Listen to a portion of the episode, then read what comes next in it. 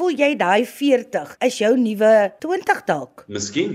Ek is opgewonde. Ek is opgewonde vir hierdie vir hierdie nuwe fase van my lewe. Ek meen dis 'n groot mylpaal en jy weet mense het vir so lank nou gegraafd om jy, jy weet jouself te bevestig en jou eie vaardighede te te verskerp en daai tipe dinge. En ek voel ek is nou op 'n punt waar ek net kan gooi en alles gee wat ek het wat wonderlik is. En jy weet en ek het energie vir daarvoor. Ek is opgewonde vir wat voor lê. Um, ek voel ek is op 'n goeie plek in terme van my werk en en geleenthede wat na my kant toe kan kom. Jy weet wat ek kan hanteer. Maak nie saak groot dit is nie. So ek kan uiteindelik op 'n punt kom waar ek sê weet jy jy en jy is goed in wat jy doen. Ten spyte van daardie stemmetjie wat 'n mens maar altyd het en twyfel ja. en daai tipe ding wat ek dink ons almal so 'n bietjie op 'n stadium maar knie halter maak nie saak waar jy is nie. Ek voel gemaklik om myself in 'n ongemaklike situasie te kan sit. As jy nou terugdink, sou jy sê dat jy spyt is oor enige iets waar jy nie 'n kans gewaag het byvoorbeeld nie. My lewe het afgeskop op 'n wel ek noem dit nou maar seker maar 'n onkonvensionele manier van die ou tyd se dink van maak skool klaar en gaan universiteit toe Ehm um, maar op daardie stadium van my lewe het ek glad nie geweet wat ek wil doen of waartoe ek wil gaan nie. Ek wil nie net iets noodwendig gaan studeer het nie. Ek ek wou seker maak dat dit wat ek doen dit regtig is wat ek wil hê. Ek dink nie ek het myself goed geken nie. Ek het nie geweet wie is jy nie. Toe betree ek die modelwêreld wat vir my volksvreemd was. Ek ek ek het dit glad nie geken nie en dit het my regtig totaal en al in 'n baie ongemaklike persoonlike posisie gesit want hier moet ek myself expose. Ek dink daai het vir my die eerste waardevolle les geleer want ewe skielik het ek myself siek wel siel alleen in 'n vreemde land bevind waar ek niks ken nie. Ek moes my paadjie maar krap. Ek moes 'n manier vind om vorentoe te gaan. En en ek moet sê dit is min of meer hoe, hoe my lewe verloop het en wat my geleer het om gemaklik te raak in hierdie ongemaklike zones en fases wat jy jouself in bevind deur jou lewe. So ek sal nie sê ek het noodwendig teruggekyk of ek kyk terug op dinge waar ek voel dat ek miskien tyd gemors is op goed nie. Ek het wel baie goed probeer wat wat dalk nie uitgewerk het nie of wat ook al. Uh partykeer is daar 'n uh, instansie waarna ek terugdink wat wat ek voel, jy's miskien kon ek meer gegee het van myself en ek ek probeer altyd alles gee. Uh maar daar is sekere goeders wat ek al aangepak het wat ek gevoel het jy kon seker maar so 'n bietjie bietjie meer ingestoot het en bietjie meer waaghalsig wees en bietjie meer kansse gewaag het, bietjie meer risiko's gevat het. So daar is daardie daardie goeders, maar ek kyk hier daarop terug as weet dinge wat ek voel, ja, ek ek voel sleg daaroor nie. Jy weet ek hou nie daarvan om in die, in die verlede vas te hou nie. Jy weet ons maak ja. op vir wat vorentoe lê. Jou kop is reg aangeskroef. Nee, regtig, wysheid kom met 40. Ek weet nou nie of ons luisteraars dit sal weet nie, want hulle ken jou as 'n TV-aanbieder, radio-omroeper, glanspersoon. Jy het begin as 'n fiksheidsinstrukteur ook. Dis waar alles my af is op. Kyk, ek het nog altyd 'n groot liefde vir fiksheid en sport gehad. Ek meen ek was baie aktief in sport in my klein bubbel gewees toe ek op skool was en ek was 'n 'n top swemmer gewees en voor skool het ek 2 ure oefensessies gehad en na skool het ek 2 ure sessies gehad en ek het atletiek gedoen en uh vir die B-span rugby gespeel op hoërskool. Nooit 'n game gewen nie, maar dit was ek dink was maar net deel vir die vir die vir die pret daarvan. So ek het ek het daai fondasie van harde oefening en dissipline van 'n vroeë ouderdom opgebou en ek het altyd 'n liefde daarvoor gehad om my mense liggaam so 'n bietjie te kan druk en te kyk hoe dit werk. Net toe ek nou skool klaar gemaak het en en ek het vir my ouers gesê, weet jy, ek gaan nie nou gaan studeer nie ten spyte van wat julle dalk nou voel en hulle het my regtig so mooi ondersteun. So het ek nou maar besluit om nie te gaan nie en ek het besluit om myself te gaan vind. Ek wil dit nie 'n gap jaar noem nie. Ek het begin werk so gou ek kon. Ek het by sportwinkel begin werk. Eintlik in my matriekjaar het ek modelwerk begin doen in die Kaap. Ek het mos in Johannesburg matriek geskryf. Maar my pa het in die Kaap gebly of afgetrek toe ek my matriekjaar begin. So ek het by oupa en ouma gebly en my matriekjaar klaar gemaak en so deur die jaar kom kuier en hier in Kaapstad het ek toe betrokke geraak met die hele modelwerk storie op 'n klein skaal en ek het dit toe maar bietjie verder gevat toe ek nou afgetrek het na my matriekjaar toe het ek begin werk by die sportwinkel en terwyl ek daar gewerk het en ek het hier en daar 'n paar castings gedoen net om voete te vind, weet toe besluit ek maar ek is lief vir uh sport en fiksheid en dis vir my lekker om dit te kan deel met ander mense. Toe doen ek 'n diploma in persoonlike fiksheid. En um, ek het dit net klaar gemaak en ek het toe bedank by die sportwinkel en ek het toe begin werk as 'n uh persoonlike fiksheidsinstrukteur by 'n gimnasium. Kort daarna, ek dit was nie baie lank nie, toe kry ek die geleentheid deur die modelwerk om oorsee te gaan. En ek het dit ook gedeel met met ander modelle wat saam met my was en ons het saam geoefen en ek het hulle probeer maar wys maak op daardie stadium soveel ek kon en ons het weet ek het ek het myself beoefen ook in daardie veld. So ja, dit is dit is min of meer waar dit vir my afgeskop het. Wat sou jou beste eenvoudigste raad wees aan mense? Vir my is die beginsel eintlik maar baie eenvoudig. Jy moet kyk na wat dit is wat jy wil bereik.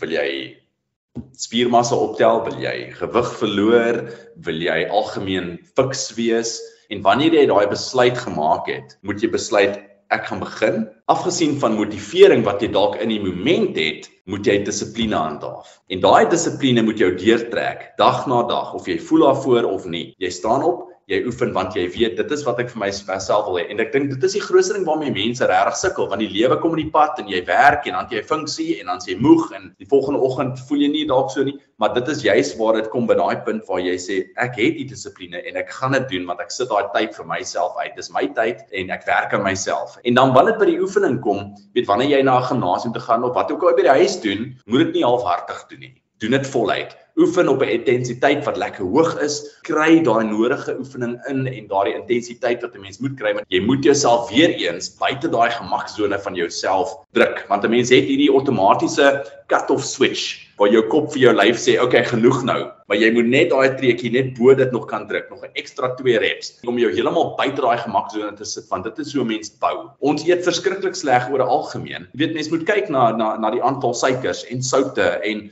uh koolhidrate wat 'n mens inneem en as 'n mens gaan stil sit en jy dink aan wat jy alles in jou mond gesit het deur die loop van 'n dag, dis eintlik baie en baie van dit is nie die regte tipe kosse nie.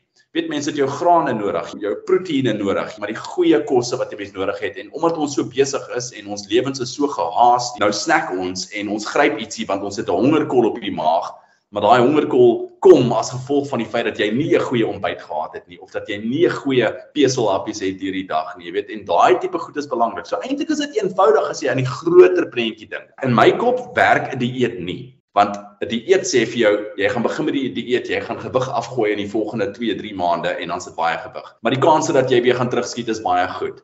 Eerder maak dit 'n lewenstyl doen dit egalig. Moenie fokus op die gewig verloor nie, fokus op ek wil fiks en gesond wees. En dit is 'n langtermyn ding, dit is 'n leefstyl. Dit is nie iets wat 'n oornag ding is nie. En ons mense is mos so gekondisioneer alles moet vinnig gebeur. Alles moet oornag gebeur. Daai tipe ding. Dis maar net my uitkyk op die lewe. Dit is 'n fantastiese uitkyk op die lewe en eintlik wou ek dit heel eers vir jou gevra het. Hoe op aarde kry jy dit reg om altyd so plat op die aarde en helse gaaf te wees. Ja, kyk hoe gee jy my hoendervleis. ek dink ek is net wie ek is en uit die aard van die saak dit wat ek doen, dit gaan nie gepaard met enigsins bekendheid en glans. Hierdie shoots hmm. en dinge wat 'n mens doen is nie altyd glansryk nie. Jy weet, ja. agter die skerms is maar woes, maar ek geniet opreg dit wat ek doen. En dit is vir my 'n voorreg en 'n groot seëning om te kan doen wat ek doen as gevolg van die paadjie wat ek gestap het. Ek het nooit gedink in my hele lewe die tipe mens wat ek gedink het ek is as 'n jong persoon nie, sou ooit so iets kon doen soos wat ek vandag doen.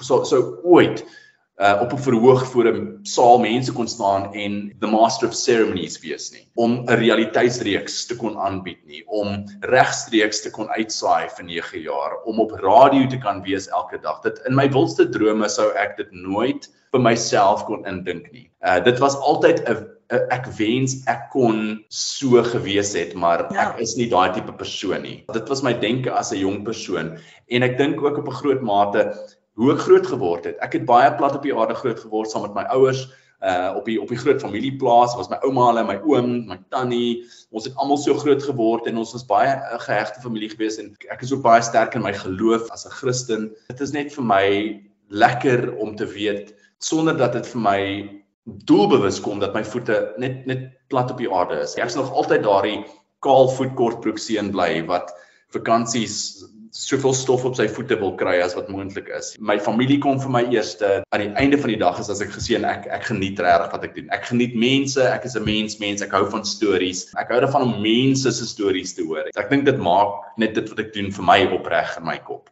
Maar my grootste grootste stukkie advies en dit is die advies wat ek vir myself ook sal gee weet as ek nou my jonger self kon ontmoet is in hierdie lewe van ons waar ons lewe hoe ons groot word die skool dit is amper asof almal van ons word in so 'n boksie gesit. En mens voel jy's in so 'n boksie want dit is wie ek is. Ek is so gebore wat ook al.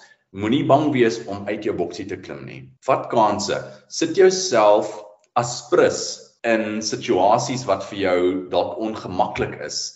Die kanse dat jy dit gaan geniet of dat dit jou in 'n direksie gaan stuur wat dalk vir jou groot deure kan oopmaak is baie goed. Want as 'n mens kyk na iets wat jou bang maak, dan is dit normaalweg iets waar jy gaan wegbly, maar die feit dat jy aan die eerste plek daaraan gedink het, beteken dit is die moeite werd om dit te gaan weet oopmaak, om te gaan krap, gaan klim maar in en wat ook al. Moet nooit gemaklik raak waar jy is nie. Dan raak dit gevaarlik. Watter liedjie gee jou hoop en hou jou aan die gang en motiveer jou? Chris Chris Rea, Back to the Beach. Vir vir een of ander rede resoneer daai liedjie, daai melodie met my en ek wil net op 'n tropiese eiland iewers sit en net terugskop met 'n cocktail. Daai liedjie gee my net altyd 'n lekker gevoel elke keer as ek hom hoor. So dit is vir my 'n lekker liedjie daai. Ek geniet dit, ja. Dit dit dit dit dit Nie dat ek nou vir jou sing nie, my stem klink soos 'n brilparra.